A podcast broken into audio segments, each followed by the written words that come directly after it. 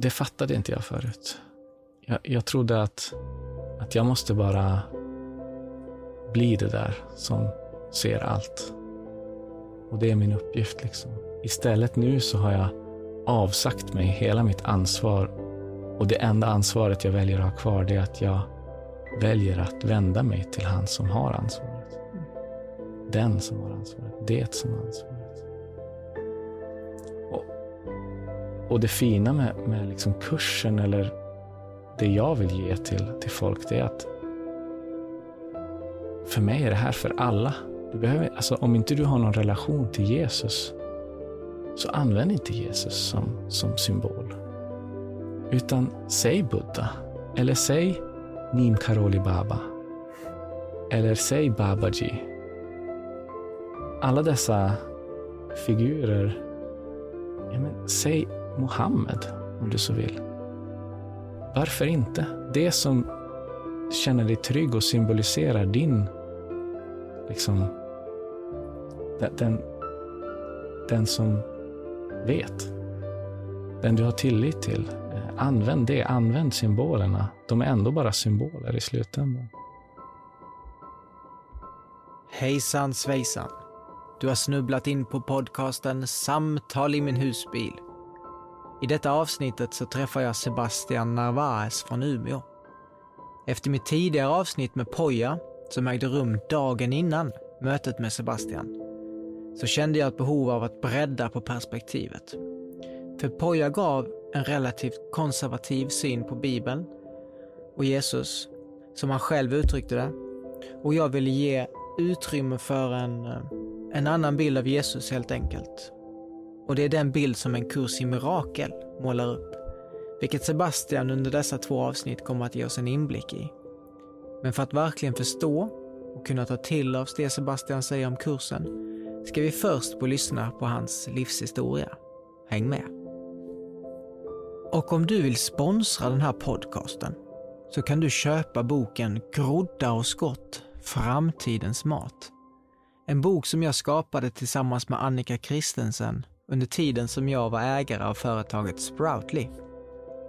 Boken ger en bred bild av allting du behöver veta om hemmaodling av groddar och skott. Vi lär ut hur man groddar upp 19, hörde ni, 19 olika sorters frön. Vi berättar om man kan odla dem som groddar, som skott eller som bladsallad, hur man gör, hur länge de bör grodda, när man ska vattna dem, allt. Everything. Det finns 36 recept i boken. Så man kan baka bröd på groddar, man kan göra vegetariska biffar på groddar, massa olika sallader. Annika är väldigt duktig på att göra sallader. Dressingar, man kan göra currydressing på bockhornsklövergroddar till exempel. Och efterrätter, till exempel rawfoodbollar på bovetegroddar. Boken har även en välnyanserad del där hälsofördelarna refereras till hela 56 olika studier och forskningsartiklar. Men framför allt lär boken dig, och lyssna noga nu, hur du kan ändra din syn på groddar och skott. Från pynt och dekoration till näringstät mat, till basföda, hur du verkligen kan använda groddarna i maten så din kropp kan få fyllas upp av energi och näring. Om du vill köpa denna världsomvälvande bok kan du swisha mig 199 kronor per bok till 0722 05 2122 med namn och adress. Glöm inte bort namn och adress så skickar jag hem boken till dig. Och om du själv känner att nej men, jag vill inte odla groddar eller skott, då kan du ge bort boken till en vän, till morsan, till farsan, mormor och morfar. För det är en fantastisk present har jag fått höra. Eh, så du kan få köpa tre böcker för 500 kronor. Kan du bara sprida ut dem. Detta avsnitt är också sponsrat av Nytt och Grönt, vårt familjeföretag som säljer soroskott och ärtskott i matbutik. Så ser du soroskott eller ärtskott i en livsmedelsbutik här i Sverige så är de väldigt ofta från mina föräldrars företag Nytt och Grönt. Tack så mycket. Shit, så vackert. Åh, oh, du har en jättefin korsspindel där. Ja, Så himla fint. Jag matar den ibland. Ah, nice. Åh, vilken lyx alltså. Vad hette det? Korsspindel? Jag tror att det där är en korsspindel. Ja. Känd som Sveriges enda giftiga spindel, men det är inte sant, för alla spindlar är giftiga, för alla spindlar har gift. Jag menar, alla spindlar i Sverige har gift. Okej. Men den här eh, är då giftigast, men, men den är ju inte giftig för oss. Okej. inte, alltså det är inte, det, jag tror, jag vet, ah, det är väl kanske som ett getingbett, så det är ganska rejält. Och det hade jag ingen aning om. Men, men var glad. Ja. Det här är en riktig kamrat och eh, av alla spindlar en korsspindel, så himla vackert. Alltså. Mm. Jag har aldrig hört någon som någonsin har blivit biten av en korsspindel. Liksom. Nej. Det, Kanske jag blev den första. kanske. Jag matar ju den sådär liksom. Jag hittar någon insekt så dödar jag insekten eller får den att fastna på fingret. Så sträcker jag upp den till spidde, som man heter. Spidde. Ja. Det lät som ett riktigt skånskt. eh, Spidde. Spidden. Okej. Ja. ehm, Ibland så gör jag uh, sån breathwork. mm. Kan vara fint. Ja, jag har aldrig gjort det. Vi kan testa det. Ja, Absolut. den är Jag har jättehärlig. talas om det mycket och, och jag har varit lite rädd för det, men, Okej. men nu känner jag mig inte rädd. Nej, det behöver det inte vara. Ehm, så när vi kör, eh, det här är Wim Hofs teknik. Så när vi andas in så andas vi in med munnen. Och känner att det går ner i magen. Så inte upp i bröstkorgen utan magen. Så när vi släpper så släpper vi ut andetaget, vi forcerar inte ut det, vi bara släpper det. Så vi kan börja långsamt och så ökar man intensitet. Vi behöver inte köra Jag jätteintensivt. följer dig då. Och sen slutar vi på utandning, hålla andan så länge som vi kan. Mm. Och sen när vi känner att vi måste andas, Och hålla andan så länge vi kan. då kör man typ 15-20 sekunder. Just det. När- Och, och jag gillar att ge mycket tryck liksom upp mot huvudet Ah. På Men- sista. på sista. Mm. Okej. Okej. Kör.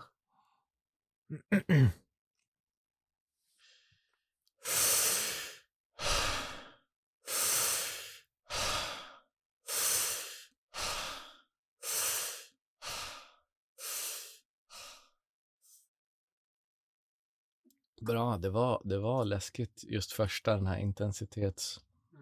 ehm, men eh, också väldigt lugnt. Mm. Ja, jag blir ofta väldigt lugn efter. Mm. Den är ganska härlig att göra. En, man, kan göra den, man kan göra om den några gånger. Mm. jag ibland då. Då kan det, ja det blir ännu mer intensivt. För mig, jag vet inte var de här ljuden kommer ifrån, men när jag gör den här väldigt intensiv, så att jag nästan liksom tuppar av. Mm. Jag vet inte om det är bra, men det är kul. Då, eh, när jag gör det där sista och så trycker upp luft i huvudet. Sen efter det så börjar jag höra eh, som att jag är i djungeln. Mhm. Jag börjar höra Mm. fågelljud och Okej. grejer. Häftigt. Och då sa min kompis Malin att det kanske är liksom som i de här cartoonsfilmerna när man blir slagen i huvudet. Just det. Det är därifrån de har fått det. huvudet. Exakt. Ja, Mm. ja häftigt. Hon tog ner mig på jorden. Ja, Jag tänkte liksom att det var något urgammalt minne från något tidigare liv. Vem vet. Man levt i djungeln. Precis. Ja, det ena utesluter kanske inte det andra. Nej, det är sant. Det ska bli härligt att få prata. Jag kommer Mm. nog blunda en del. Mm, Det kan jag tycka det är skönt. jag. Mm. Och få lyssna. Och fint att få lyssna på ditt liv. Mm. Få höra vem du är. Mm. Jag tycker det ger en så bra grund att ha. När man hör någon annan, hör någon prata om olika grejer så är det så fint att veta, men var kommer den här människan Mm. Mm. ifrån? Mm. Nej, men lite bakgrund för de som lyssnar också att, för jag pratade med Poja igår. Mm. Det sa jag till dig innan. En präst från, eh, baptist, baptisterna, tror jag det heter, som eh, var väldigt övertygande och jag blev väldigt rörd av hans berättelse. Och, det som berörde mig mest var nog när han pratade om eh, um, att få viga sitt liv typ åt, åt någonting. Mm. Jag tolkar det som någonting, men han säger ju åt, åt Jesus. Och jag fick komma ihåg, men alla gånger jag, som jag har gett mig in i en kärleksrelation, så har det varit en liten så inblick i vad det kan innebära att få säga att och få glömma bort sig själv och känna, känna Mm. att jag lever för dig. Mm. Eh, och jag fick ju höra mycket det i hans tro att men, det är det det handlar om. att Mindre jag, mer du. Och då riktas det mot Jesus då. Mm. Och jag kände liksom att oh, men den här längtan i mig vaknade till liv och jag kände att men det, är- det är det jag längtar efter. Mm. Få glömma bort mig själv. Allt det här dömandet och osäkerheten och som, jag vet inte, det är väl också en del av livet och jag försöker acceptera det. Men eh, jag observerar att det finns en längtan Mm. till eh, säkerhet och självklarhet. Där jag liksom så här, ja, men, får känna att jag är buren, Mm. hållen av en högre kraft eller vad det nu än skulle vara. Eller bara en fantastisk relation med en kvinna. Men den här längtan eh, riktar sig faktiskt lite mer och mer bara på sista månaderna mot en familj. Mm. Liksom barn och fru. Mm. Och liksom jag kan bara känna att men, där skulle jag också kunna vara nöjd. Mm. Och bara vara i naturen med min familj. Mm. det kanske är där det landar till slut. Mm. Fint. Mm. Men vill du berätta, Sebastian, Mm. vem du är och var du kommer ifrån och Ja. allt? Eh, jag, jag kan inte riktigt berätta vem jag är eftersom jag fortfarande eh, ställer den frågan. Men jag kan berätta om min, min historia och, och så vidare. Mm. Eh, ja, jag, jag föddes i, Göteborg. Eh, och eh, uppväxt i Partille som är en kommun utanför Göteborg Mm. eh, med min syster och mina två föräldrar. Mamma är tysk och pappa är halvtysk. Mm. Så att det var mycket, mycket tyska i uppväxten. Ja, jag, tydligen pratade jag eh, typ varannat ord svenska, varannat ord tyska när jag började prata och sådär. Det låter lite som när jag försöker prata tyska. Ja. och, och ehm, ja men alltså min uppväxt var, var väldigt eh, lekfull och, och min syster är den jag minns mest. Min syster liksom eh, tog, tog mig i anspråk eh, direkt jag liksom kom till och, eh, och bar mig liksom överallt och lekte med mig. Och mina föräldrar var väldigt snabba med att liksom låta mig och syrran få vara. Liksom. Jag minns att vi var ensamma väldigt mycket ute på gårdarna och, och lekte med folk och, Mm. och, och, och gungade tillsammans. Och syrran var liksom den som, som tog hand om mig hela tiden. Aldrig att hon kändes som en, egentligen en förälder. Hon kändes alltid som en stora syster och, eh, och vi var liksom, vi, vi, vi på något sätt delade resan, även om hon kunde hitta på saker som att bara, eh, all mark är lava, men jag har vingar, eh, så jag kan bära dig. Mm. Eh, och jag trodde ju på det och sådana grejer. Det var ju bara för att hon ville bära mig. Liksom. Mm. Men jag tyckte ju om att bli buren. Så. Eh, mycket sånt. Ehm, och när jag var två så visade det sig att, eh, eller det började med att jag inte, att jag klagade på att jag hade ont i magen väldigt mycket. Och, och det jag gick inte på toa, jag bajsade inte och sådär. Till slut tog de mig till sjukhus och så ja, kollade mig och jag fick eh, gå därifrån med laxerande medel liksom, för att få igång. Eh. Så jag fick laxerande medel, men ingenting hjälpte det. Liksom. Om någonting borde det nästan förvärrat situationen. Jag, jag var väldigt ledsen. Jag var inte en ledsen barn. Jag, jag var väldigt lugnt barn liksom, i uppväxten. Och plötsligt var jag väldigt ledsen mm. och, och hade ont och, och sådär.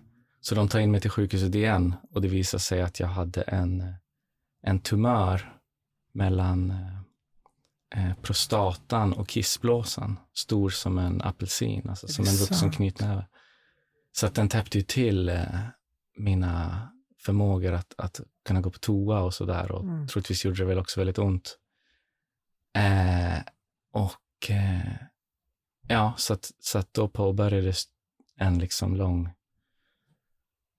eh, insats att få mig frisk. Liksom. Och det var operation eh, för att plocka ut tumören först och främst.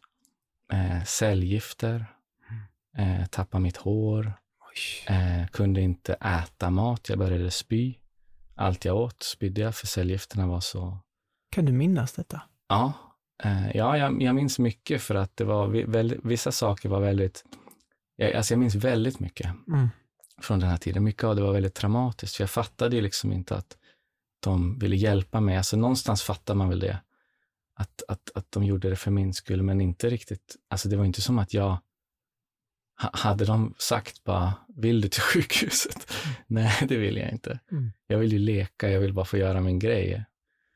Menar, men, men det var, och, och, och, på den tiden så, man, de gjorde saker med mig som, som jag har fått höra att man inte gör med barn idag. Man vet idag att barn har så kroppsminnen och sånt där som man inte riktigt hade koll på på samma sätt på den tiden. Så de gjorde liksom vissa ingrepp på mig som var väldigt, väldigt traumatiska. Liksom där. Eh, som, eh, som jag minns mycket väl. Liksom, till exempel, de, de körde in en, en, en slang i mitt urinrör för att eh, se om det var kvar eh, liksom, eh, cancerrester, liksom, med en kamera då antar jag. Eller sånt där. Och, och jag antar att tekniken var sämre då, så det var väl mycket tjockare rör och sånt där. Och jag minns bara liksom att eh, mamma har fått det berättat, liksom, hur det krävdes fyra vuxna personer att hålla fast mig liksom, medan de körde in den där. Och, och, och jag minns det. Det, gjorde, det var fruktansvärt. Det gjorde så fruktansvärt. Jag pissade blod efteråt och liksom det var väldigt traumatiskt. Eh, och, och allting, på något sätt gick jag med på att, för, för jag blev alltid tillovad att jag fick välja vilken leksak jag ville efteråt mm. i leksaksbutiken. Så att, eh, och det har jag alltid haft med mig, det här liksom belöningssystemet. Att, eh, och alltid varit väldigt fast vid ting. Att jag har varit väldigt liksom så här, älskar att skaffa nya saker eller få någonting nytt. Liksom. Och, älskar ting. Mm. Och det kanske kommer från det här lite grann, att det var min räddning. Att, att jag kunde nästan liksom zona ut och drömma mig iväg på att snart kommer vi vara på leksaksbutiken och jag får mm. välja vad jag vill. Mm. Då kunde jag liksom lämna det fysiska på något vis.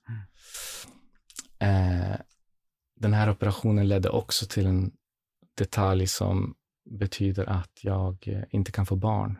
Mm. Eh, av olika anledningar, men, men det skedde under operationen, att, jag, eh, att sädesledarna som går från testiklarna till penis, antar jag, eh, skars av, för de var liksom i vägen mm. under operationen. Så att jag, har, jag producerar liksom ingen sperma. Eh, annars tror jag, jag har inte testat vara någon annan, eller jag minns inte att vara någon annan, men jag tror att jag fungerar normalt, på an, alltså, förutom att det finns ingen ejakulation. Liksom. Mm. Eh, det är en detalj. Och det är jag ju uppväxt med, liksom, att, att Sebastian, du, du kan inte få barn. Eh, och eh, ehm, sen, ja, jag blev friskförklarad. Jag, jag spenderade fram och tillbaka, kanske ett år på sjukhus. Liksom.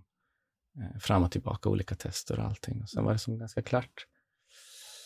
Eh, jag tror att det här skakade om min familj på många sätt och vis och släkten. Liksom. Men samtidigt så kan den också gjort mycket gott. Liksom. Mm. Många som tänker samma tanke samtidigt liksom, och tänker att önskar väl. Liksom. Ja, vem vet vad, vad alla resultat har varit av det här, men, men eh, eh, sen när jag var sex år så flyttade vi till Umeå. Eh, mamma och pappa fick väl jobb på något vis, eller jag är ganska dålig på vissa detaljer då det kommer till mina föräldrar. Jag får höra saker så många gånger, men det är som att jag inte riktigt lägger saker på minnet. Men, mm. men jag tror de fick jobb eller skulle börja studera eller vad det var. Så vi flyttade till Umeå när jag var sex, 94 då. Jag är född 88. Eh, och eh, ja, en rolig, lekfull uppväxt på eh, ett område som heter Tomtebo, där jag också fick eh, lyxen att träda in i en nybyggd skola som första elev. Mm. Alltså skolan byggdes medan vi bodde där. Mm. Och när väl skolan var klar så kunde jag börja ettan eh, på den här nya skolan. Och jag, min syster och typ två till var de första eleverna på hela skolan. Liksom. Det fanns inga andra den dagen. Oj. Och så började det liksom komma, för folk började flytta mer och mer till Tomtebo. Mm. Och, och, vi var de äldsta barnen i princip på Tomtebo, så det fanns bara det kanske fanns yngre barn, men de började ju inte i skolan. Så mm. Sakta men säkert så utökades klasserna och skolan. Och det är ganska häftigt, jag har tänkt på det mycket på sista tiden, att skolor är oftast gamla och inbitna jargonger. Varje skola har sin egen liksom, system och jargong och det passas ner med generationer. Och mm. De har funnits väldigt länge, men, men hela Tomtebo, hela området Tomtebo, det fanns liksom bara tre kvarter när vi växte upp eller något sånt. Mm.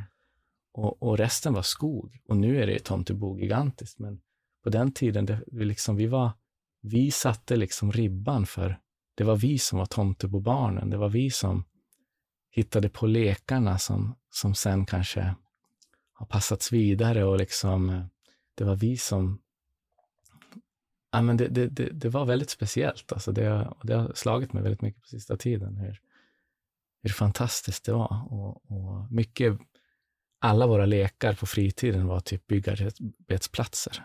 Mm. Att vi klättrade runt i betonggrunder och, och hoppade ner i sådana här stora eh, containrar fyllda med sånt här eh, glasfiber eh, shit eh, och badade i det där och hoppade runt och vi tyckte mm. det där var skitkul. Intressant detalj att eh, vi höll på med det där jätteofta och så minns jag att någon sa till oss, det där är glasfiber, typ någon förälder, det där är glasfiber eh, tjosan och det där är inte bra för er. Mm. Och då nästa gång vi hoppade in i det där, då, då började det klia. Liksom. Mm. Men det gjorde inte det innan. Vi liksom visste inte om att det var något sånt där. Mm. Då, då fanns det väl inte heller. det är häftigt. Det, det är alltså. häftigt. Det är väldigt häftigt.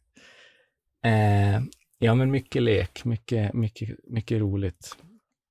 Um, jag eh,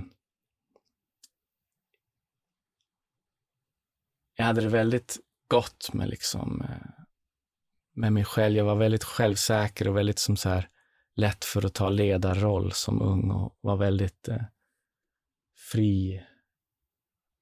Väldigt bara befriad på så många sätt. Och, eh, och då det kom till tjejer också så var det som att så fort jag var, blev kär i någon eller tyckte någon var fin, på ett eller annat sätt så tog det bara någon dag, som var jag tillsammans med den tjejen. Mm. Liksom. Det, det, var, det var som att jag bara kunde sätta mitt mind på bara hon. Mm. Och troligtvis så tänkte hon samma sak då. Mm. Och så blev vi som tillsammans. Så att jag, jag hade mycket tjejer, även om man umgicks mindre när man väl blev ihop mm. än vad man gjorde innan. För att det var så konstigt att vara ihop. Man visste inte bara, okej, okay, nu då liksom. Mm. Det var mer spännande att inte vara ihop och önska att man var ihop och bara vara vänner när man väl var ihop, då var det ju skräck. Liksom. Mm. Och jag menar, nu pratar jag om ettan till femman. Eh, så det var mycket sånt. Vid ett tillfälle var jag till och med ihop med tre tjejer samtidigt. tills, tills en av tjejerna kom till mig och sa, Sebbe, jag kan inte vara tillsammans med dig, för min syster säger att om man är tillsammans med många samtidigt, då är man en player. Då sa jag, okej, okay. Eh, hon bara, alltså, du borde också inte vara tillsammans med så här många. Och jag tänkte, okej, okay, ja men då är det så. Ja. Så då gick jag till, då valde jag liksom en av dem. Bara, ja, men jag vill inte, eller jag sa till de andra två, liksom, att, ja, men då vill inte jag vara tillsammans med er. Och så Mm. ville jag vara tillsammans med den sista. Men jag tror att då ville inte hon vara tillsammans med mig för att hon kände väl att det var synd om de andra. Okej. Ja. Men oavsett. Sen kom, eh, eh, liksom började tonåren närma sig och jag bytte skola och så vidare. En mycket tuffare skola. En gammal skola som hette Ålidhem. Mycket tuffare liksom. Det var stök och folk som slogs på raster och väldigt annorlunda från Tomtebo. Och, och puberteten började komma för alla och, och puberteten kom inte för mig. Mm. Och, och jag hade ju liksom läkarkoller lite då och då och det, och det visade sig då att eh, eh, jag producerade inte eh, testosteron. Mhm. Eh, för att, eh, också en detalj bara för att underlätta språket nu. Eh, en av mina testiklar opererades bort under min eh, canceroperation också. Så jag har bara en testikel. Mm. Och eh, den testikeln var som så kallat sovandes. Så den, den liksom levde, men den var sovande. Så att de i typ sjuan eller någonting så började de ju märka det här. Så då, då började jag få, typ en gång var tredje månad fick jag åka till sjukhuset och få en testosteronspruta i, i skinkan. Eh, för att komma in i puberteten, för att aktivera den här sovande testikeln så att den skulle liksom själv börja kunna producera mm, testosteron. Eh, också väldigt jobbigt. Allt det här med puberteten var ju fruktansvärt. Alltså, folk, allting handlade ju, speciellt på min skola och bland mina vänner, det handlade ju bara om att, inte bland alla mina vänner, jag hade väldigt många sköna polare som jag växte upp med, där vi, allt handlade om Pokémon-kort och, och dataspel och, och vad vet jag. Men, men det fanns ändå det där underliggande, liksom, bara, hur mycket hår har du fått en dag? Liksom, och hur, hur mycket har din penis växt den senaste veckan? Liksom, och, för det hände ju mycket grejer den här tiden och alla mätte hela tiden med varandra och för mig hände, ingenting eh, från början och min röst var liksom jättepipig och liksom allt det där och det var ju väldigt jobbigt. Jag, jag gömde mig liksom hela tiden i... Jag såg till att inte vara onormal. Jag, jag såg till att låtsas som att jag eh, visade mig naken och sånt i, i omklädningsrummen, men jag såg alltid till att hålla en viss vinkel där in, ingen kunde se. Mm. Så att det var som att jag var naken, men jag visste precis hur jag skulle vinkla mig och när jag skulle lägga någonting för. För att det, alltså jag blev en riktig mästare på deception. Liksom. Mm. Vilket jag senare fick eh, eh, utnyttja. Eh, Okej. Men hur som helst så, eh, det var en tuff tid och, och jag menar även mina vänner ville ju leka. Alltid efter skolan skulle man ju leka och ibland hade jag de här eh, mötena eller där jag skulle få min testosteronspruta. Och jag kunde inte säga till dem att, att jag eh, eh, inte, eller att det var det som skulle hända. Jag, jag, jag, jag höll ju det här dolt för alla. Mm. Det var ju väldigt jobbigt. Eh, I alla fall i den här tiden så höll jag det dolt. När jag var ung så brukade jag berätta allting om min sjukdom och min testikel när, för alla. Men när jag bytte skola så valde jag att hålla det helt dolt. Dolt. Och jag, jag hoppades att inga av mina gamla vänner skulle ta upp det. Mm. Och det gjorde de aldrig. Mm. Eh, så det var väldigt tur att, att det var som att det blev glömt allt det där. Men då höll jag, jag gick runt med en lögn hela tiden. Jag visste hela tiden att om någon får veta det här om mig, då kommer jag bli utpekad som ett riktigt freak. Liksom. Mm. Och det kommer vara väldigt jobbigt. Så, så det var en tuff, lång, lång tuff period. Tror du att det hade blivit så? Att du hade blivit utpekad eller var det rädsla? Alltså, det hände en gång att jag, att jag, jag satt på idrottslektion en gång inför idrotten, så att vi alla killar uppradade på någon, på någon bänk eller vad det var, ett staket. Eller vad.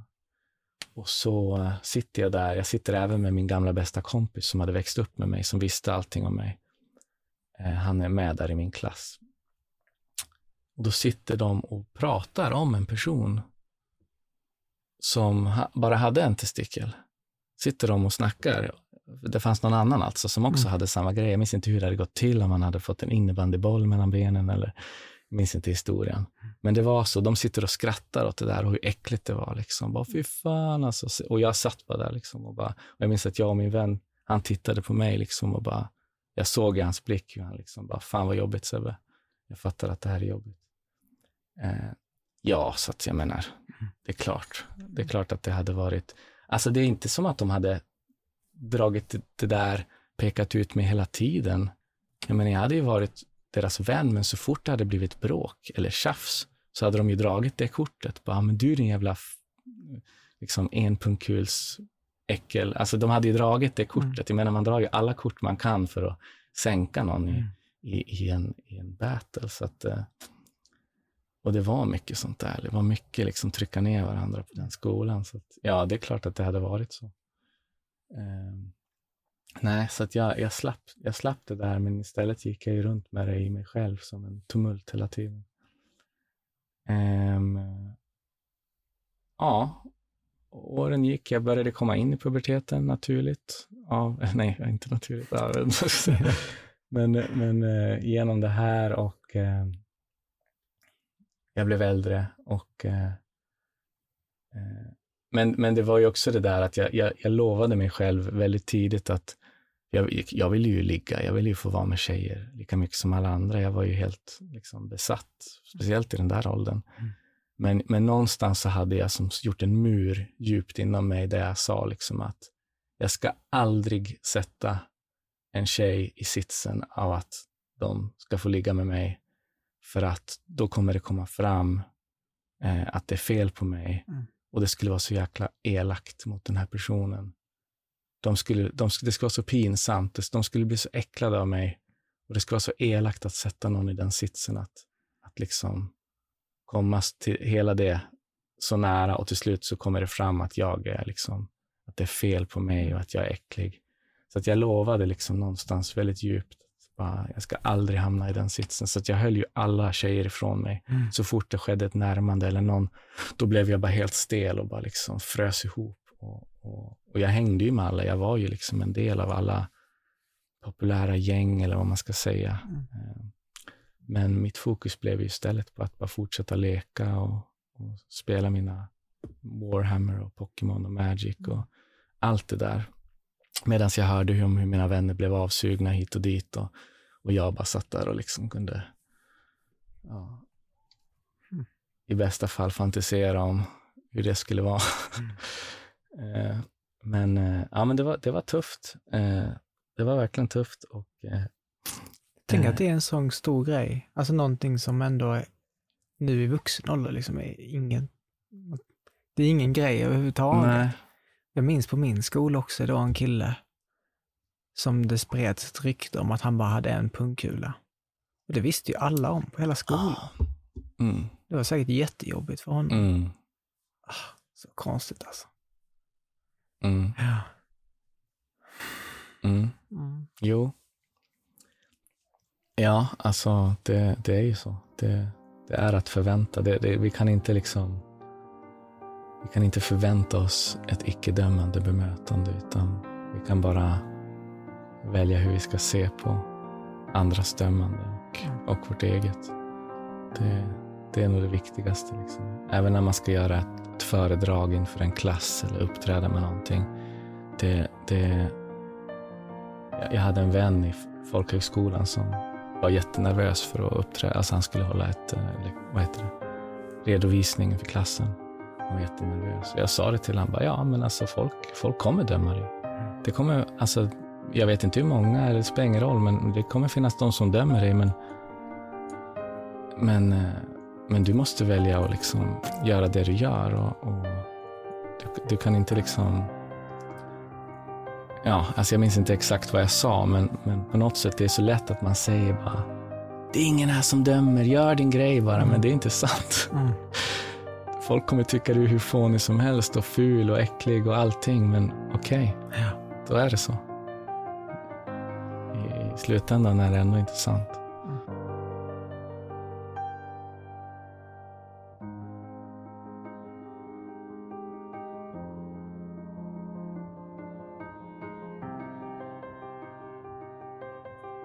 Men, men eh, precis, åren gick och eh, Ja, jag fann eh, WoW.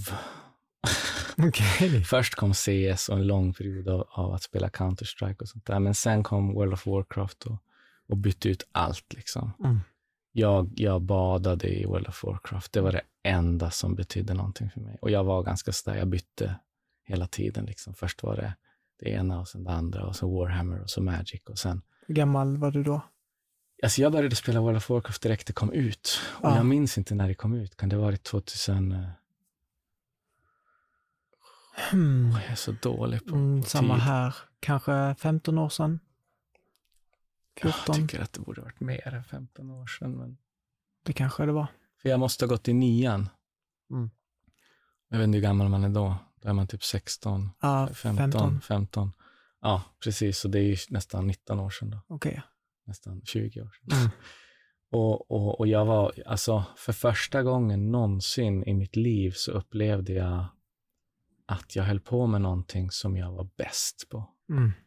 Jag upplevde att, att jag och min karaktär, som för övrigt hette Lucifer, Mhm. eh, jag var väldigt stolt över min karaktär och jag var väldigt kopplad till min karaktär. Det var liksom, det var verkligen mitt alter ego och jag, jag var skitduktig. Inte duktig på det sättet att jag liksom förstod mig på spelets mekanik. Mm. Där var jag faktiskt värdelös. Det var jättemycket jag inte förstod. Men jag hade liksom en spelglöd och en anda som, som gjorde att jag blev... eh, Alltså jag var så jävla driven Mm. av att vara bäst och jag tyckte jag var bäst. Jag vet inte vad det var som grep tag i mig som fick mig att liksom ta det så långt, men jag, jag liksom... Jag, jag sprang runt i den världen som jag var på och, och började liksom söka, alltså som likt en samuraj som, som går runt och utmanar folk i duell Mm. och för att liksom testa sin gräns. Mm. Eller se hur, alltså också för att visa upp sig, gick jag runt och började liksom duellera folk. Och, och, och alltid när jag spöade någon, vilket jag gjorde, så sa de alltid bara wow, eh, du är duktig, du borde möta den här. Mhm. Så sökte jag upp den och Mm. den bara wow, du är duktig, du borde möta den här. Och till slut så, alla ledde mig och alla pratade också om en och samma karaktär, Åh. en som hette Loki. Och, och, och det tog lång tid innan jag mötte den här Loki. Mm. Eh, men till slut så fick jag tag i honom och jag, jag sa det bara, att alla säger att du är bäst. Mm. Så nu, vi måste mötas. Liksom. Alltså shit vad häftigt. Det var episkt. och, och jag väntade, jag minns att jag väntade typ en timme utanför en grotta på att han ska komma ut, för han är upptagen i den här grottan och håller Ja. på med massa uppdrag och till slut kom han ut. Och vi gör, jag tror att vi gör typ, jag vet inte om vi körde tio dueller på rad, Mm. men, men det är lika, så vi liksom får fem vinster var eller något Mm. sånt där. Vi är liksom, vi tar varandra lika många gånger och, och, och jag, och, och den här killen är duktig. Alltså han, han hade allt det som jag saknade. Han hade förståelse över spelet. Mm. Så att jag vann egentligen bara på att jag hade någon form av superanda liksom, och Mm. driv och, och, och jag hade bara en förmåga. Jag hade en förmåga liksom, för spelet. Men han hade, kun, han hade förståelse. Mm. Så han lärde mig en massa saker och, och tog mig till skyhöga nivåer sen. Liksom. Och vi, vi, vi, vi var liksom rivaliserande grannar genom hela Mm. WoW-tiden, många års tid som vi liksom hade väldigt svårt för. Det visade sig också att vi gick på samma skola Nej, i Umeå. är det sant? Ja, så vi bara några, alltså vi, vi gick och möttes sen liksom. Bara, ah, men fan, vi ses imorgon eh, på lunchen då. Ja. Men det var, var det så? jättepirrigt alltså. Det Ja. var så jäkla pirrigt att få möta honom. Eh, och det var många fler, det var liksom jättemånga som jag, så runt omkring som, som bodde i Umeå som, Mm. som jag hade möjlighet att träffa. Men blev, blev det som att folk såg upp till er lite för att ni var så duktiga? Ja, alltså det, det, det hände till och med att folk gjorde karaktärer på min server enkomt för att kunna skriva till mig. För du måste vara på samma server för att kunna skriva. Som nu gjorde level 1-gubbar bara för att skriva bara wow, jag såg dig nyss i en liksom strid här och mötte dig nyss med min riktiga gubbe. Och jag måste bara säga att du är helt otrolig. Mm. Och det där hände alltså hur ofta som helst utan att skämta. Mm. Mitt namn stod på forumen när de hade såna här stora tävlingar om bara, vem tycker ni är bäst? Liksom. Så kunde mitt namn dyka upp jätteofta och det kunde ske debatter om, om liksom, och jag var med i de här debatterna, att folk, stora personer som jag såg upp till kunde stå och debattera om varför jag var bäst. Oj, vad sjukt. Det var, det, var, det var helt sanslöst alltså. Och jag gick ju hela tiden runt med att alltså, det spelar ingen roll om någon annan inte hade sagt mitt namn. Jag ville ju att de skulle säga mitt namn för att jag ville att de skulle se det jag såg. Mm. Så det var ju bara en bekräftelse på att, Mm. ja, ah, tack, de ser också att jag är bäst. Men jag visste att jag var bäst. Mm. Jag, har hört en gång att John Lennon sa eh, tidigt i deras eh, Beatles-karriär att, att eh, de gick in med inställningen om att de var bäst. Mm. De visste bara, vi är bäst. Och nu är det bara upp till världen att, att hänga med på den inställningen. Mm. Wow. Eh, och, och det var verkligen min WoW-karriär. Ja. Eh, det finns många som, som kommer säga att, att jag inte var bäst och jag, jag säger det nu också, jag var inte bäst. Jag, jag, var, jag, var, jag var nog långt ifrån bäst, men, men de stunderna som jag hade när jag verkligen var in the zone, Mm. då var jag bäst. För, för att vara i zonen, Mm. du kan inte bli bättre än att vara Mm. ditt esse. Liksom. Och, eh, och, och jag var grym. Hur många timmar om dagen behövde man lägga? Mer än vad jag fick. Så många internetsladdar som har dragits ut av min mor och gömda routrar och eh, jag menar, jag gick ju i gymnasiet och jag, jag skolkade ett helt år nästan från gymnasiet bara för att spela WoW. Jag gick till skolan men så satte jag mig i bibblan och, med Mm. min laptop och gömde mig i något hörn och satt och Mm. spelade istället. Shit. Eh, så att, äh, men det var hur mycket som helst. Det var hur mycket tid som helst. Mm. Och eh, ja, det var en sorglig tid för min mor. Eh, hon grät många tårar för mitt eh, Mm. missbruk. Eh, och min framtidsvision under den här tiden var att jag vill ha en, en liten skrubb där jag kan få plats med min dator och en internetsladd inkopplad. Då är jag nöjd. Alltså det, det fanns aldrig någon, jag har aldrig haft ett, ett drömjobb. Mm. Jag har aldrig växt upp med ett drömjobb. Jag har aldrig tänkt den tanken. Jag har alltid bara velat leka och ha skoj. Och, och det ena leken har bara bytt ut den andra och WoW var den senaste leken och det var det enda jag ville göra.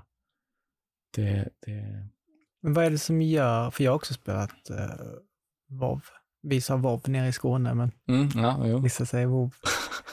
Eh, jag har också spelat WoW och- och det är ju det spelet som jag än idag kan, kan få en sån längtan till. Jag kan tänka mig bara få försvinna från allt i en månad. Och bara få ju- sjunka in i den här WoW-världen. Det är något magiskt med Mm. det där spelet. Ehm, som jag nog inte har funderat så mycket kring, men jag kan tänka mig att du kanske har försökt sätta ord på Ja, vad det är som är så magiskt. det, det, ja, vad fint att höra. Mm. Vad fint att höra att du delar det. Jag tänker också på. Jag, jag vill börja med att säga att jag tror att den tiden som jag söker i WoW är över för mig. Mm. Jag, jag gräver i, i någonting som inte finns längre. Mm. Jag har Samma. försökt börja spela WoW igen och det, det har inte funkat. Ja, samma. Men, men WoW, helt enkelt skulle jag säga att, att, eh, att det är bara en, eh, en, en identitetsutbyte Mm. och eh, ett förkroppsligande av någonting som du upplever att du kan utveckla mycket mer än, än vad, du, vad man trodde att man kunde göra här. Mm. Och, och, och allt det här leder oss vidare in i nästa steg i mitt, i mitt liv. Att, eh, från min vision om att eh, göra min karaktär till bäst och fortsätta leva som Lucifer och, och vara var den här karaktären. Eh, jag hade aldrig tänkt på någonting annat och världen var liksom... Jag tittade som inte ut i världen. Jag liksom... Nej, inte där. Jag tittade in i min värld och, och in i mitt spel och var bara intresserad av det. Och det, det som hände sen var att eh, i typ tvåan gymnasiet eller slutet på ettan, jag minns inte exakt, så introducerades jag till cannabis. Mm. En vän till mig som frågade, bara, vill du röka, vill du röka hasch? Liksom, ja, men visst, jag vet inte vad det är, men, men det kan jag ju testa. Så jag eh, testade det och eh, jag hade en fantastisk eh, första eh, cannabisresa. Liksom. Fullkomligt befriande, fullkomligt bara skratt. Mm. Eh, inget andligt, inget, inget eh, nämnvärt annat än total befrielse och skratt. Eh, ingen historia annat än liksom en lekfull kväll som slutade på McDonalds där vi hade pommes frites-krig. det var väldigt befriat. Mm. Sen tog det lång tid innan jag rökte cannabis igen. Och min andra cannabisupplevelse var, var, var, var lite mer skrämmande, men också mest skratt och roligt. Eh, och, och, ungefär i den här tiden så hade jag börjat komma mer och mer in i liksom så här det mystiska Mm. och börjat tänka mer på spöken och dimensioner. Och jag tror att i samma veva såg jag de här Zeitgeist-dokumentärerna om hur samhället, bankerna spyr ut pengar som inte existerar och skuldsätter oss. Och du vet, jag, jag började få ett väldigt kritiskt tänk mot Mm. samhället och världen. Och, och i samband med det här så slutade jag gymnasiet och har redan börjat ganska röka ganska mycket. Liksom dagligt rökande och, Mm. och, och eh, börjat liksom förstå mig på min första introduktion till, till Gud, konceptet Gud var en, en vän till mig som, som satt, vi hade rökt. Och så sitter han och ber, han, han sitter med, med, sin, med vår andra vän som var muslimskt lagd i sitt tänkande. Och de har en, en diskussion om, om vad Gud är. Och om den ena personen pratar om att men Gud skapade allt, liksom, och Gud kommer först och Gud är liksom. Och, och min vän säger bara, ja, men vad är, vad är Gud då? Mm. Gud är bara en vibration, det är bara en frekvens, det är bara en, en, ett, en energi. Och det var min första, mitt första steg åt en riktning av någon form av abstrakthet kring Gud. Inte non-dualism riktigt än, för frekvens beskriver fortfarande en våglängd med en början och ett slut. Mm. Så det är inte non-dualism så som jag ser på Gud idag, som Non- full, fullkomlig etthet. Just det. Alltså, non-duality är ett begrepp som jag sällan använder, men som jag har läst. Mm. Så därför använder jag det nu. Men det är ändå ganska, det, det förklarar sig själv tycker jag ganska bra det begreppet. Mm. Dualist. Man förstår att det är två stycken Precis. poler som kanske beskriver eh, varandra. Precis. Utan eh, Nordpolen så skulle vi inte ha mot, eh, Sydpolen. Precis. Och det är dualism. Mm. Där, där har vi fortfarande dualism. Yin och yang är ju dualism, att två halvor blir ett, liksom mörker och ljus. Mm. Eh, och det här var min första liksom, invigning i de tankarna. Eh, och jag minns att jag hade med mig det där och i samma veva lär jag känna en vän, en riktigt sprängig karaktär träffar jag i den här vevan genom att jag ska köpa röka av honom och sådär. Och vi började umgås väldigt mycket och han, han introducerar mig till svamp Mm. och berättar om sina svampupplevelser. Han, är, han, han och hans vänner är uppväxta i en plats i Umeå som heter Ersmark, där svampen växer väldigt mycket. Mm. Och eh, de här ungarna, de var uppväxta med svamp i princip. De provade svamp innan de provade dricka alkohol. Mm. Det var det första de gjorde. liksom. Och då snackar vi kanske, jag vet inte, om det var 14 års ålder eller om det var tidigare än så, som de började äta svamp. Och de ganska tidigt började liksom dosera väldigt högt. Det var inga så här 20 svampstrippar, ja visst från början kanske, men, men eh, toppisar då, utan Mm. de, de, de kom ganska snabbt upp i 100 svampstrippar, 120 svampstrippar det är en rejäl Mm. svamptripp. Och han beskrev resor som att, att han, han åt sin svamp och började mer och mer kollapsa liksom och under piken av hans svamptripp så, pissade han nästan alltid ner sig för att det blev som total förlossning. Liksom. Han pissade alltid ner sig. Liksom. Och, och sen var det som att han beskrev som att bara vara så totalt borta från det han kallar verkligheten under en, en, en upplevd evighet. Liksom. Totalt vilsen i en förvirrad, samtidigt vaken liksom, värld av, som att vakna upp i en dröm och, och inte veta vem han, vem han är. Mm. Och han, han, han, beskrev sina trippar som ett rent helvete.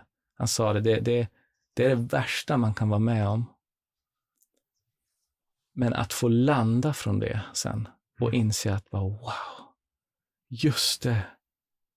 Jag är ju den här karaktären här och jag får ju vara här. Jag får, just det, saker, just det, nu minns jag ju att det är så här det är och jag är en person och, och jag heter det här och just det och, och jag har de här händerna jag kan använda. Alltså, sakta men säkert bli människa igen. Mm. Han sa att det var sån befrielse att, att han liksom red den upplevelsen flera månader eller till och med några år. Alltså, han, han, han trippade då och då, ändå liksom sällan, ingen partygrej, utan de trippade stenhårt i någon skog. Och så gick de igenom det här. Och när de kom tillbaka var de liksom förnyade. Mm. Och det för mig lät ju såklart skrämmande, men väldigt intressant. Alltså. Så, att, så att jag vart aldrig introducerad till psykedelia som, som någonting roligt, utan det här är ett helvete, men, men går du igenom det så kommer du att känna en glimt av, av himmelriket. Mm. så, så där började mitt, eh, mitt psykedeliska och jag var redan inskolad i vissa tankar och sådär. eh, när jag väl eh, kom fram till en högre dos eh, psykedelika, som för första gången för mig var LSD, då det, det blev en, min allra första var en enorm förlossning. Mm. Alltså som att bli ett barn och vakna upp och, och vara totalt, liksom, allting var bara nytt. Och på ett sätt ganska onämnvärd tripp, annat än bara fullkomlig förlossning. Precis som min första röka. Men tripparna efter det här, när jag började ta ännu mer,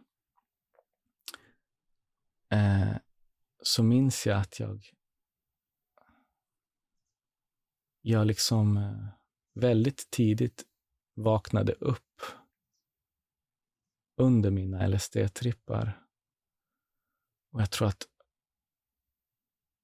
någonstans vid min, vid min fjärde tripp eller något sånt där så, så minns jag att jag, jag, jag vaknade upp och förstod liksom att allt det som jag ser, som jag kallar världen och hela min perception är, är bara någonting jag själv eh, gör. Det, det, det är en det är som att jag bär på eh, projekt, en projektor. Mitt sinne är en projektor och jag projicerar ut hela den här bilden som jag kallar världen. Det var inte bara någonting jag trodde, utan jag fick det upplevt. Jag, jag, jag upplevde till och med att allt det som finns omkring mig är här för att jag tror att det är här. Mm. Skulle jag tro på att bergen flyttar sig, tro kan flytta berg, mm. så skulle de göra det. Men då måste jag också vara övertygad om det. Det är ingenting du kan bara så önska dig fram, utan det, det här glaset står här nu för att jag är övertygad om det. Mm. Och jag, jag var med om saker där jag, där jag fick det här svart på vitt, hur jag liksom kunde böja min tro om, om saker. Jag, jag minns under en LSD-tripp så är jag med en vän och, och vi, vi hittar inte vårat, vi, vi, vi, höll, vi hade trippat svin länge, haft en riktigt fin tripp och så märker vi att bara, nu börjar vi liksom vara färdiga med det här, vi, vi vill röka. Mm. Och, och, då är nästa uppdrag att, eh, att röka, men vi hittar inte våran bit som vi skulle röka. Haschbit då? Ja, en, en haschbit, precis. Mm. Och jag, jag, jag ger upp. väldigt tidigt. Och bara, oh, det, oh, det, typiskt, den finns inte någonstans. Och, och min vän, han, han liksom, han tycker att jag har gett upp för tidigt och han säger till mig, bara, men, men Sebbe, du måste liksom, det, det, du, du, du, har gett upp, du, vad heter det, den, den finns ju liksom. Och, och, och, jag minns att han till och med irriterat säger, det sista han säger, likt en, likt en, likt en alltså han, han gör en, det var så häftigt för att på datastolen så ligger det en eh, handduk. Och jag sitter på golvet och har gett upp liksom. Och han försöker vägleda mig till, till hur saker och ting fungerar. Han var väldigt liksom inspirerad. Och han säger till mig, bara, men Sebbe, fattar du inte? Och så tar han tag i handduken och så säger han samtidigt bara, lite så här irriterat, men samtidigt som att berätta för sin elev, liksom bara, fattar du inte Sebbe, du måste bara tro. Och så rycker han i handduken från eh, stolen och samtidigt så dunk, dunk rullar biten mitt framför min famn mm. ut liksom. Och jag förstod där och då att just det, det där med att tappa bort saker, det är liksom bara någonting vi tror att vi gör.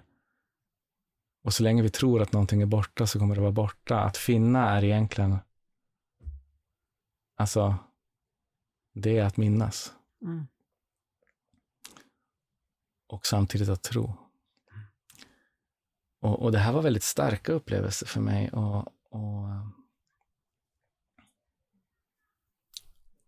och jag började liksom leka med det här väldigt mycket. Jag hade ingen vägledning. Det fanns ingen jag hade ingen mästare eller guru som fanns där som kunde berätta, utan jag började liksom leka med de här grejerna och någonting jag väl, märkte väldigt tidigt var också att jag kunde känna folk. Jag mm. kunde känna folk, jag kunde blunda i ett rum och känna när någon klev in i rummet. Det var väldigt häpnadsväckande för mig och, och för mig var det liksom bara just det. Det finns ett utbyte som jag, som är bortom liksom, som går utanför min kropp det, det, det sker ett, ett energetiskt eh, samspel liksom, oss emellan, mellan ting, mellan väggar och allting. Det sker ett, ett flöde. Mm. Och jag, jag, kan känna det. Liksom. Det var inte bara något jag läste i en tidning eller yoga liksom, tjosan, utan jag upplevde det och sen läste jag sånt. Det var alltid så för mig att jag liksom upplevde någonting och sen läste jag om det mm. och fick det bekräftat. Jag började leka med de här energierna, styra runt och märka hur ett flöde kunde ske i ett rum och jag märkte, bara, men vad händer om jag vänder på flödet? Jag gjorde så konstiga grejer och jag upplevde hur, hur jag kunde liksom tända och släcka lampor. Alltså så här, för att jag kände mig, jag förstod att jag var ett med lampan och det kunde hända att jag liksom ibland tänkte en negativ tanke och så ser jag en lampa slocknade och då kunde jag liksom stanna upp en stund och börja liksom på något sätt en förlåtelseprocess.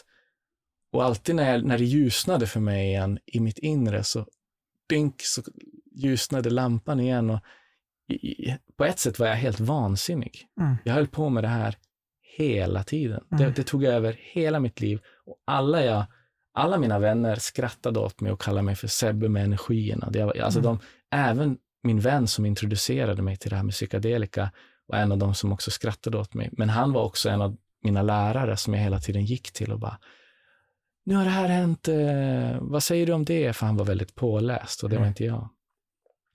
Och han kunde alltid förklara saker som jag var med om. Han trodde ju på sånt där, men han, han, han levde det ändå inte riktigt fullt ut så som jag mm. upplevde att jag gjorde och experimenterade. Alltså jag menar, tänk dig själv att, att vara med om Alltså det spelar ingen roll om det är sant eller inte, men i din upplevelse, om du börjar se tomtar på gården och, och om tomtarna börjar berätta för dig saker som typ att ah, men nu står grannen och, och kokar gröt. Och så går du in dit och ser att grannen står och kokar gröt. Det är klart att du kommer lägga vikt i den. Det mm. spelar ingen roll om någon säger tomtar finns inte. Mm. Nej, okej, okay. då är det väl inte en tomte jag ser, men det är någonting som jag får information genom mm. som faktiskt Sen om det är liksom ett stort hokus pokus och att man kände grötdoften och sen hittar man på, det spelar ingen roll.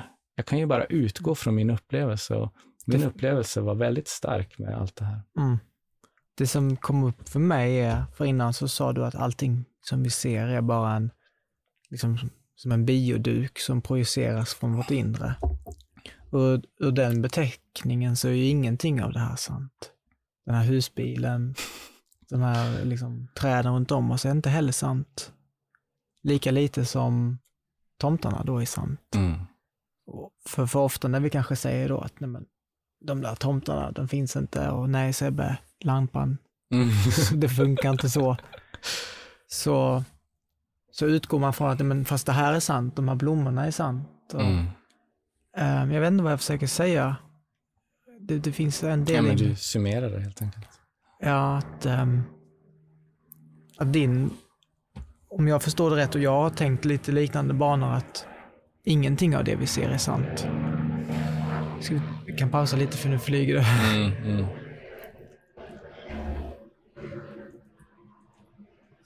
Helikopter flyger över oss. Håller koll på oss. Men samtidigt som jag säger det så känner jag så, men, men, men inte ser du Jonas, det här är ju sant. Du kan ju ta på det. Hallå? Det är ju sant. Men så är det någon del i mig som kanske, jag vet inte om det är att jag har läst det. Jag har ju också läst en kurs i mirakel som du är väldigt inbiten i, som du själv uttrycker det. Mm. Och Det kan vara därifrån jag har fått den informationen, för jag vet inte själv om jag riktigt har fått uppleva det där att, nej men hallå Jonas, ingenting av det du ser är sant. Det kan vara en grej som jag bara hört folk prata om faktiskt. Men jag tycker det är väldigt spännande. Det är hjärnskrynklande. och, och det var det. Det Mm. var det, speciellt utan vägledning. Och, och jag, jag, jag gick djupare och djupare i mitt eget liksom, mörker och hade väldigt mycket som jag egentligen, speciellt det här med min barndom och min cancer och allt det här som jag gömde, som Mm. jag fortfarande inte berättade för någon. Det spökade i mig väldigt mycket och började komma upp på sätt som jag inte förstod. Liksom. Det började framträda. Mm. Det var liksom dags att, att det skulle uppdagas, den här mörka hemligheten som jag bar på. Och det kom fram på väldigt jobbiga sätt, att jag hade liksom nästan upplevde att folk kunde liksom, under vissa tillstånd upplevde jag att vänner kunde se in i mitt sinne. Och, och det köper jag. Liksom. Vi, vi delar ju eh, information och, och, och jag varit väldigt rädd för den öppenheten när jag, när jag bevarade någonting så hemligt. Mm. Och då vart jag väldigt skrämd under all de här öppenheten som jag började komma in i. Och, och vi satt ju i många tills, alltså vi var ju många människor som delade de här resorna, även om jag på, på mitt sätt höll på med mitt, på mitt håll, så, så delade vi ändå de här eh, ska man säga, ingreppen och, och, och så vidare. Mm. Eh, så det varit väldigt jobbigt. Jag, jag varit väldigt rädd att folk skulle liksom syna mig Mm. och se allt det här. Och, och det hände massa sådana här riktigt hemska eh, trippar mot slutet där jag, eh, där, där jag kunde en hel tripp bara gömma mig Mm. för den som jag nyss var närmast, den som jag hade liksom öppnat mig för fullständigt nu under något LSD liksom och, och haft en telepatisk eh, kontakt där vi kunde skicka liksom eh, färdiga eh, konstruktioner av, av världsbilder till varandra och förklara saker utan att säga ord, bara ge varandra konstruktioner som den andra kunde ta emot och ladda hem. Så här, man förstod. Och nu låter det som att det tog tid. Det här skedde instantaneously. Vi kunde dela liksom koncept och förklara Mm. hur vi såg på, på saker och ting för varandra.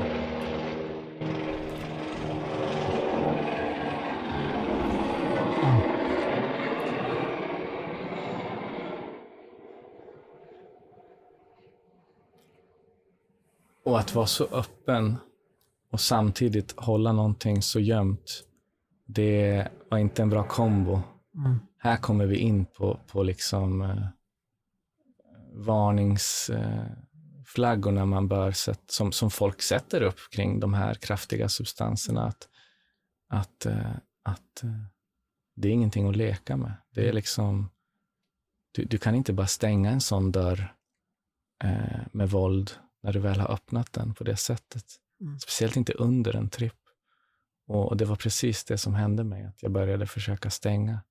Och det var, det, jag var med om mardrömsscenarion, liksom. från att ha haft väldigt upplysande trippar så, så fick jag vara med om riktigt hemska saker där jag, där jag faktiskt bara ville dö. Liksom. Jag, jag insåg att bara, nej, nu vill jag bara dö. Liksom. Och, och, och först och främst så önskar jag bara mest i världen att få landa från det här. Och det enda du kan ha att, att utgå från det är att titta på klockan. Liksom. För du har någon sorts uppfattning om att det här ska hålla i sig ett x antal timmar. Mm. Men så tittar du på klockan och sen är den tre på natten. Och så funderar du på vad det ens innebär. Mm. Och så tittar du bort från klockan och sitter där och går igenom ett helvete och har det hur jobbigt som helst, hur länge som helst och allting händer och du försöker bara liksom ta dig bort och så tittar du på klockan igen för att hoppas att nu måste det ha, nu är det väl ändå snart dags att landa och så är klockan tre. Och så fortsätter det så där, liksom. varje gång du tittar på klockan så är klockan tre. Mm. Du vet att klockan går, du ser att klockan går. Men du vet också att tiden står stilla och, och du är fast här tills du liksom har landat. Och det har ingenting med substansen att göra. Mm. Det är någonting du måste fatta i dig själv. Och det, det var fruktansvärt. Det var riktigt fruktansvärt. Och, och, och, och, faktiskt den här sista upplevelsen ledde till att jag eh, flydde eh, till, till en, en tjej som jag var vän med då. Som jag visste att jag kunde gömma mig hos eh, och var, dela hennes värld. Liksom. Eh, och, och, jag minns att jag tänkte det under den här trippen, att bara, jag måste till henne. Mm. Det är det enda jag kan tänka mig just nu. Jag måste till henne och, och, och slippa undan världen. Och, och, ganska strax efter det här så började jag liksom söka mig mer till henne. Och, jag var så trasig så att jag kunde knappt liksom titta folk i ögonen och sånt där. Jag var riktigt trasig efter det här. Och, och hon och jag blev tillsammans och var tillsammans i, i nästan fyra år mm. och bodde tillsammans. Och hon hade social fobi eh, och eh, levde liksom innanför sina dörrar. Mm. Och jag fick leva där med henne och vi hade det, alltså det var så fantastiskt. Alltså. Det var så fantastiskt att få dela, dela tryggheten med henne och, och för första gången få öppna en sexuell relation med någon. Mm.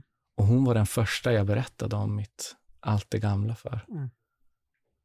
Eh, och fick liksom, och det, det tog mig tre dagar från att jag sa att det är en grej jag måste berätta, så bodde jag med henne liksom och det tog tre dagar innan jag faktiskt berättade för henne. För det var så jobbigt. Och, eh, men, men, eh, men vi hade en sexuell relation och den var, det var fantastiskt. Alltså jag fick utforska, samtidigt som jag fick utforska det här med energierna. Jag kunde göra saker med henne som Alltså att få leka med hennes liksom kropp, med mina förmågor jag hade liksom fått fram och få fritt spelrum med att liksom beröra henne och förflytta mig på så många nivåer och få, få äh, total frihet mm. kroppsligt. Allt det där som jag hade saknat, som jag var så rädd för innan, liksom, mm. fick jag plötsligt bara totalt fritt spelrum det var en fantastisk tid. Vi, vi levde bara liksom, hon och jag såg på film, vi gick och hyrde VHS hela tiden och, och bara satt och rökte. Mm. Rökte, drack Coca-Cola, käkade pizza och såg på film och hade sex. Mm. Och, och, och hade katter som vi delade fullständig kärlek med. Du slutade med psykedelikan då? Eh, nej, vi åt psykedelika tillsammans. Mm. Eh, det gjorde vi. Mm. Men, men, eh, men bara hon och jag. Mm. Och eh, det var fantastiskt också. Mm. Det var väldigt fint. Och, eh, men, men WoW byttes ut mm. mot allt det här sedan länge. Och min vision om, om den här skrubben och, och, min karaktär i det här spelet byttes ju ut mot att oj, jag kan utvecklas. Mitt sinne är, är har, en förmåga att kunna lära sig saker. Och, och, och nu när jag förstår att det finns ingen gräns på vad jag kan lära mig. Mm. För att allt jag hittar på är redan det jag har lärt mig. Och, vad kan jag då hitta på? Alltså, jag började förstå saker som att jag, jag kan ju träna mig att gå igenom väggar och, och liksom, och såklart la jag väldigt mycket vikt i det, att, att wow, tänk att kunna skjuta eldklot och kunna gå igenom väggar och sväva och, och liksom transportera sig mellan saker. Det där la jag jättemycket vikt i. Mm. Och tyckte det var skithäftigt när jag läste till exempel Autobiography of a Yogi, mm. eh, Paramahansa Yoganandas historia om han går mellan guru till guru och får höra om deras fantastiska förmågor och alla dessa upplysta mästare, mästare i Himalayabergen. Det var ju fantastiskt för mig. Det var ju bara bekräftelse på allt jag redan hade varit med om. Mm. Och att de här människorna finns någonstans och jag, är en av, jag, jag kan bli en av dem. Och, mm. Eh, för mig Men, är det ja. där, och jag tänker jag måste också ta lyssnarnas perspektiv lite, tror jag att det kan kännas så långt bort sådär gå genom väggar. Mm. Jag återkopplar lite till det du sa innan också, att med sinnets tända och släcka ljus. Och det finns ju också någonting som ofta vaknar i oss, liksom att man försöker avfärda det och man försöker med logiken komma på att nej men Sebbe var kanske bara påverkad av någon substans. Liksom. Mm. Um, det finns ju någonting i mig och, och många andra som, som um, jag har svårt för det där. Mm. Och jag känner att det skulle finnas en, en värld som bekräftar, eller som säger att vi kan gå igenom väggar. Den biten kan kännas så långt bort för, för mig ibland. Jag vill bara säga det. Mm. Ibland när man får höra sådana här grejer så kan det vara skönt liksom att landa i att landa i det lite. Mm. Det, finns, osäkerhet, det finns tvekan. Um, vad tänker du när jag säger så? Att, att det är jättefint att höra mm. och, och, och, jag förväntar mig inget annat. Mm.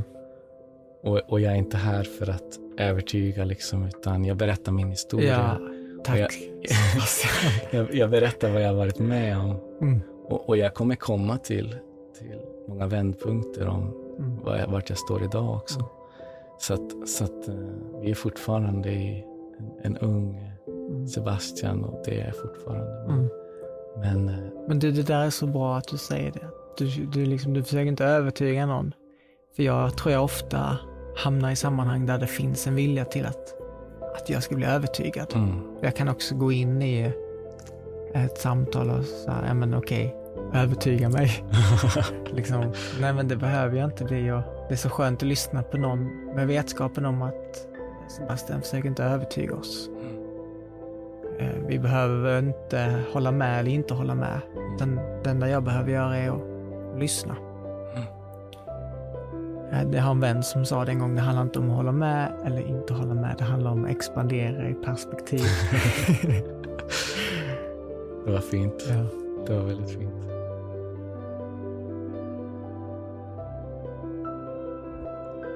Tack så mycket för att du har lyssnat på Sebastian Navas del 1 Välkommen att fortsätta lyssna på del 2. Och glöm inte att dela och sprida podcasten om du tycker om det jag gör. Det kan du göra genom att säga till en vän Hejsan svejsan, du borde lyssna på podcasten Samtal i min husbil. Du kan dela på Instagram eller Facebook. Du kan skicka mail eller sms till folk. Tack så mycket. Vi ses i nästa del.